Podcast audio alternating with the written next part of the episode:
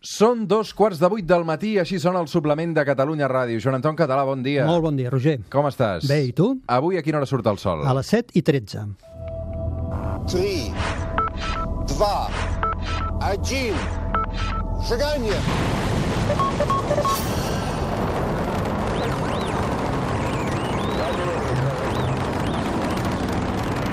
One small step for man,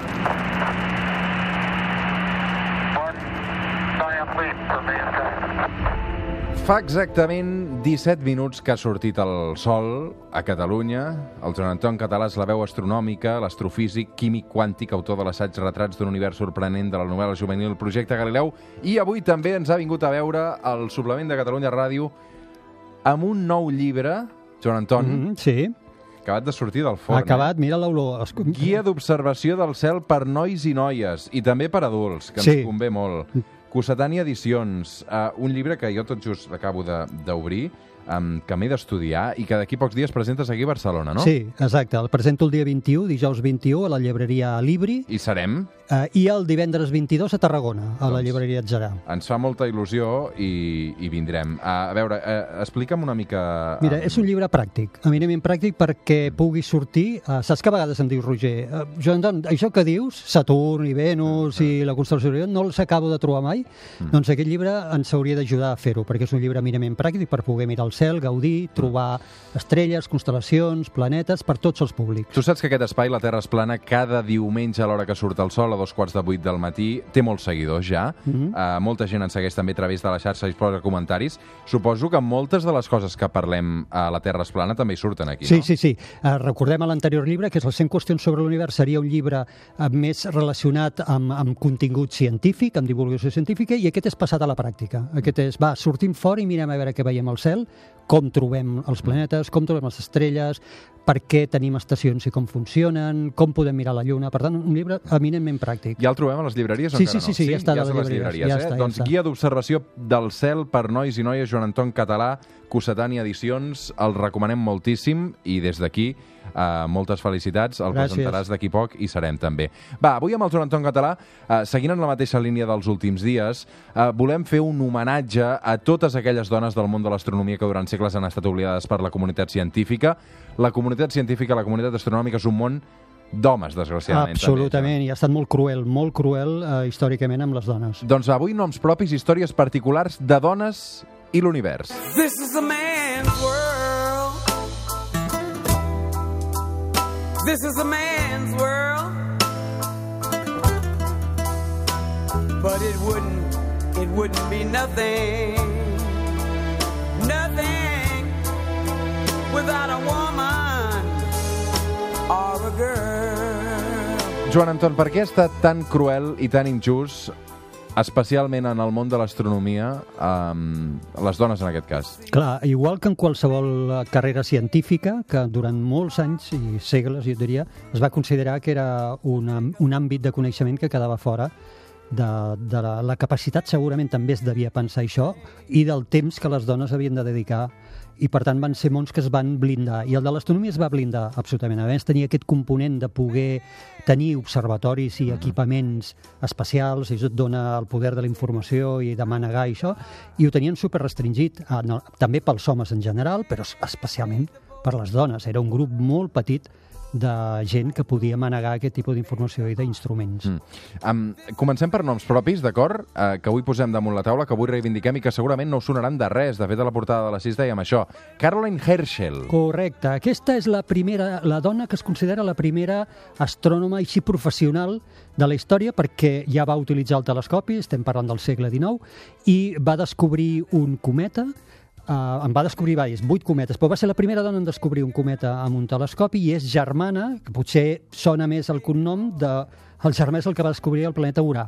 Uh, és el William Herschel, va, havia descobert el planeta Urà, ella l'acompanyava molt sovint en les seves investigacions i va arribar a saber-ne tant que ella va acabar sent observadora amb telescopis i instruments propis, descobrint cometes, descobrint nebuloses i amb el seu germà descobrint més de 2.000 estrelles dobles, que són estrelles que són dues que estan tan properes que es veuen a simple vista com una sola i tenir instruments per desdoblar-les, i a l'any 1928, fins i tot, a Anglaterra, ella havia nascut a Alemanya, però s'havien traslladat a Anglaterra, va rebre la medalla d'or de la Royal Astronomical Society i es va convertir en la primera eh, dona, en el primer membre honorari d'aquesta societat que era exclusiva per homes. Sigui, d'alguna manera, Caroline Herschel, eh? recordem aquest nom, va ser Ah. la primera astrònoma de la història moderna. Sí, no? a veure, des del punt de vista que és la primera que va utilitzar un telescopi que va fer quelcom eh, científic en un telescopi. Eh? Molt a l'antiguitat, m'imagino que hi devia haver gent que ho feia a simple vista, sense instruments, i que podrien reclamar també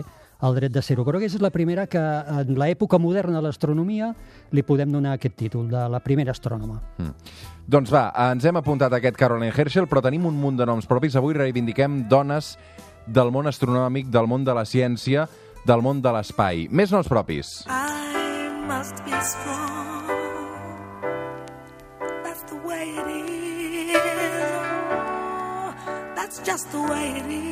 Henrietta Swan Leavitt. Sí, aquest nom és absolutament importantíssim. No l'hem sentit, eh? no l'hem sentit a parlar mai. És superimportant, aquesta dona. Ella eh, forma part d'un grup de, de senyores que s'anomenaven les, les computadores, les calculadores del Harvard, de l'Observatori de Harvard, i estaven relegades a fer el treball de dia que els homes no volien fer. Era un treball molt tediós que consistia en, eh, amb, amb lents i a simple vista, mirar les plaques fotogràfiques que els homes havien fotografiat amb els grans telescopis de Harvard durant la nit i catalogar les estrelles. Imaginem plaques fotogràfiques de les antigues, totes plenes de puntets diminuts, diminuts, minúsculs, i elles mesurant distàncies, catalogant amb una paciència increïble. Hi ha fotografies d'aquella època i se les veu allà amb sales. Henrietta Swan Leavitt formava part del grup de calculadores de, de Harvard, d'aquest grup de dones, però ella tenia una curiositat que anava molt més enllà, tenia molta iniciativa i va començar no només a catalogar, sinó a fixar-se en coses que passaven en aquelles plaques i va descobrir encara un dels mecanismes que avui utilitzem per calcular les distàncies, quasi res, i encara avui ho seguim utilitzant. Pensem que això era al començament del segle XX. Eh? Mm. Què va descobrir? Mirant les plaques, va veure que hi havia se sabia ja que hi havia determinades estrelles que són variables, són estrelles que canvien la intensitat de la seva llum periòdicament, per diversos motius. I ella se'n va donar compte que hi havia un tipus especial d'estrella que variava la seva llum i com més brillant era l'estrella, més allargats eren els seus períodes. És a dir, a lo millor trigava tres dies en fer una corba completa de que la seva llum pugés, tornés a baixar i tornés a pujar. I com més brillant era aquest tipus d'estrella, més allargades eren aquests períodes, més trigaven en recuperar-se aquestes caigudes de llum. Això ho va anar investigant pel seu compte, va anar fixant-se en aquestes plaques fotogràfiques, va anar documentant i va acabar descobrint una propietat que és una de les que més avui utilitzem per calcular distàncies i seria similar al que, us, al que et vaig explicar ara. Imaginem que les estrelles fossin una bombeta de llum de 100 watts eh, i eh, algú les encén i les apaga en un ritme determinat. Cada dia s'encenen i s'apaguen una vegada. Hi ha bombetes de 200 watts que algú les encén i l'apaga, però en lloc d'un dia ho fa cada dos dies. De forma que jo acabo sabent que en funció de quan s'apaguen i quan s'encenen, jo acabo sabent si són de 100 watts, de 200 o de 300. Si sé això, puc calcular la distància a la que estan. Perquè si jo sé que és de 200 watts i la rebo molt feble, és que està molt lluny i puc calcular la distància a la qual està. I això ho va descobrir ella, l'honor no se'l va emportar ella Qui es va directament. emportar el mèrit d'aquest descobriment? Clar, aquí està, aquí està l'altra conya de la cosa. Se'l van portar inicialment el, els homes que treballaven, que manaven en aquell, en aquell Harvard, entre ells Hubble. Hubble és una... Eh, bueno, Quins va collons devia pensar, veure, no? va, va fer moltes contribucions Hubble, no, vulgui, no voldríem treure-li mèrit sí, ara, sí, eh, sí. a Hubble, eh, però... De el famós Hubble es van portar el mèrit no, de no, no Swan només ell, no, no, no. No només ell ho va fer i, i va haver altres i tampoc es van portar el tot. Va ser els, dels primers que es van, diríem, aprofitar d'aquest descobriment sense donar-li visibilitat amb ella. De fet, Hubble va poder descobrir l'expansió de l'univers anys després, per mèrits propis, però recolzant-se amb aquest descobriment vital que ja et dic encara ara eh, seguim utilitzant. Més noms propis de dones científiques. Marxem fins a Escòcia i aquest també és molt important, eh?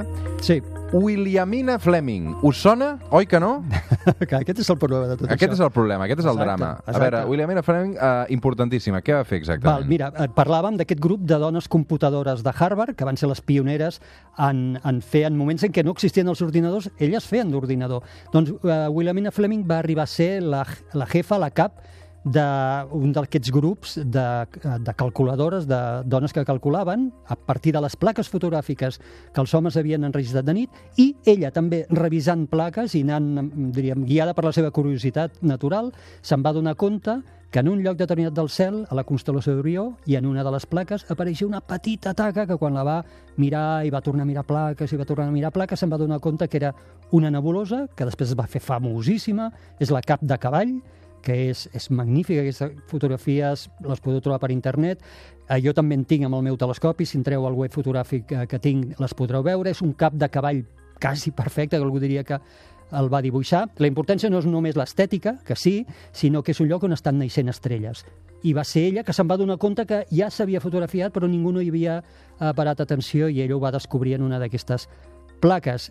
Igual com deien abans, la pregunta segur que ara em faràs és i es van portar ell el mèrit? La resposta ja te l'imagines? No. Tampoc, eh? Tampoc inicialment. Eh? I el, en aquell moment doncs el, el responsable, que si no recordo malament era, era Flickering, eh, es van portar el primer mèrit del descobriment d'aquesta nebulosa cap de cavall. Va, un altre de les grans descobridors és que tenim molta feina, eh? Tenim po... Avui ens quedarà cura, això. Vera Rabin. Astrònoma americana nascuda el 1928, amb 10 anys ja estava fascinada per l'espai i va arribar a construir un telescopi amb el seu pare. Però el gran descobriment el va fer amb la matèria fosca, eh? i el va fer als anys eh, 70. El- Ja se'n parlava de la matèria fosca, a començament del segle XX, els astrònoms se n'havien donat compte que hi havia un tipus de matèria a l'univers que no està feta d'àtoms, i li havien posat el nom de matèria fosca perquè no entenien, i et diré que seguim sense entendre què és aquesta matèria fosca. Jo matèria fosca em perdo, aquí sí que no, no, no, no ho entenc. Bueno, Vull dir que un mm. dia farem un capítol dedicat a la matèria fosca, a veure si... Val, jo penso, m'estàs posant el repte de fer-lo i l'intentaré fer... No, realment la matèria fosca... No, no s'entén. O sigui, ja ho deixo aquí. Vale. Matèria fosca i forats negres, Vinga, doncs ja tinc un repte. tot ja això no s'entén, Joan Anton. Vale, Però ja, va, ja no, tinc un no, repte, sí, va. no, no ens desviem. Vera, Vera Rabin. La Vera Rabin. La Vera Rabin eh, va agafar i va eh, mesurar com de ràpid eh, giren les estrelles d'una galàxia. Eh? Galàxies que nosaltres veiem, imaginem una galàxia típica en espiral.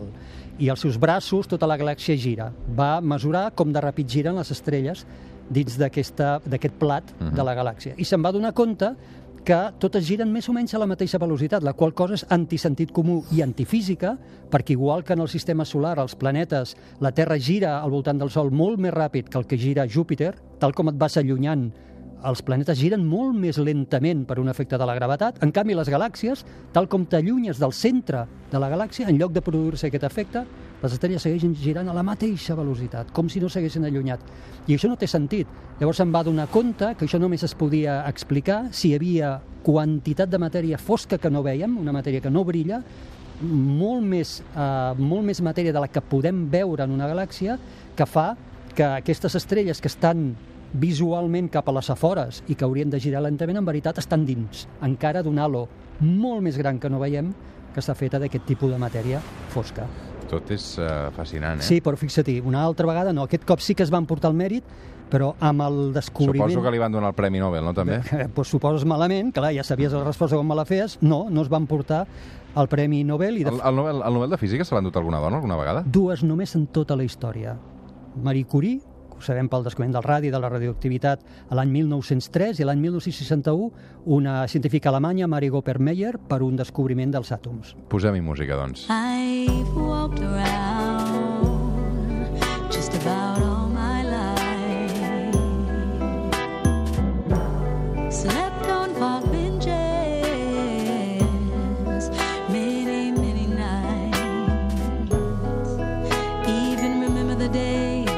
Avui amb el Joan Anton Català la Terra és plana, noms científics oblidats, astrònomes mai prou reivindicats. Moltes dones també han tingut eh, papers so- sobretot significatius en l'exploració de l'espai. Ara ens hem centrat sobretot en aquesta primera part amb descobriments científics, però Ara, exploració de l'espai i dona, Joan Anton. Exacte. Aquí hi ha hagut també moltíssimes contribucions.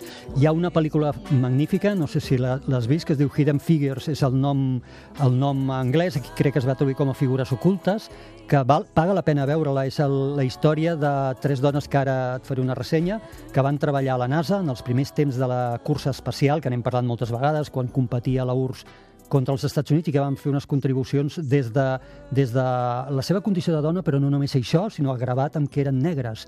I era un moment d'apartheid molt important als Estats Units, fins i tot dintre dels organismes d'administració com era la NASA. I, com et deia, van fer unes aportacions eh, molt importants. Bàsicament, tres dones. Mhm. Una d'elles diu Catherine Johnson. Catherine Johnson, que encara crec que és, és viva, eh, formava part d'aquest grup de computadores que havien parat de Harvard, però que ara les tenia la NASA. La NASA encara no tenia ordinadors i, i utilitzava càlculs a mà.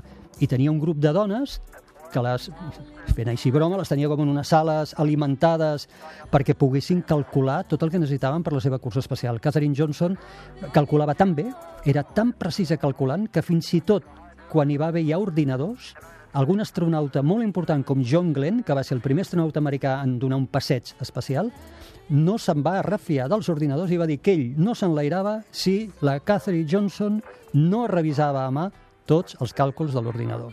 Aquesta dona encara avui està viva, li han donat medalles, hi ha edificis de la NASA amb el seu eh, nom, en honor seu.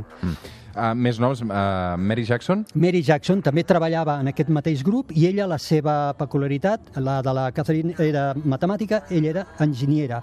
I llavors treballava amb els túnels de vent que feien les proves aerodinàmiques de les càpsules i dels, dels elements que la NASA havia d'enviar a l'espai i va tenir, afortunadament, un cap que va creure amb ella i la va encoratjar a treure's un títol d'enginyeria que en aquell moment no es podia a l'estat de Virgínia que una dona, per llei, es tragués el títol d'enginyeria i ella va lluitar, va lluitar, va lluitar fins que se'l va aconseguir treure. Dorothy Vaughan. Tori Vaughan era la responsable d'aquest grup de dones compu- computadores que estava, com et deia, segregat eh, en- de forma, racialment i també per la seva condició de dona i va lluitar molt fins que va aconseguir col·locar aquest grup de dones en una posició de privilegi a on, fins i tot quan ja hi havia ordinadors, eren aquestes dones les que havien après a programar aquests ordinadors i els programaven elles.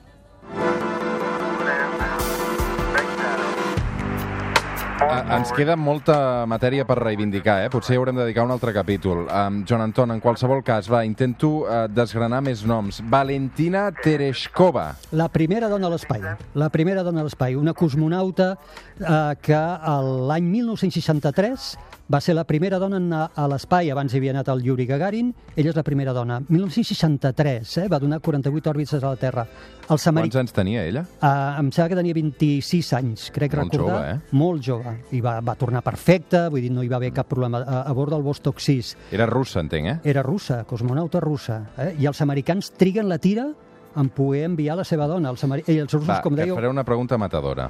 Um, és a dir, a, a quina edat, a quin any els americans van enviar la primera dona a l'espai? Uh, la tinc anotada, aquesta, no Va. m'enganxes. El 1983. I ara la més matadora de tots, no, A- no, no, ja no per la aquí- dificultat, sinó perquè, perquè els oients també prenguin consciència de la magnitud del problema. Um, si contem quants astronautes homes s'han enviat a l'espai i quants astronautes dones s'han enviat a l'espai, quines xifres en surten? Mira, ho vaig, ho vaig calcular i sortia un 11%. 61 dones d'un total de 537 astronautes que han anat a l'espai. 11% de dones només, i d'aquestes 61, recordem que 4 van morir, dues a bord del Challenger i dues a bord del Columbia. 11%. 61 dones, 537 astronautes homes. Eh? Sí, senyor. Déu-n'hi-do, jo crec que això resumeix perfectament l'esperit de, de la secció d'avui. Sí. Joan Anton, acabem mirant cap al cel?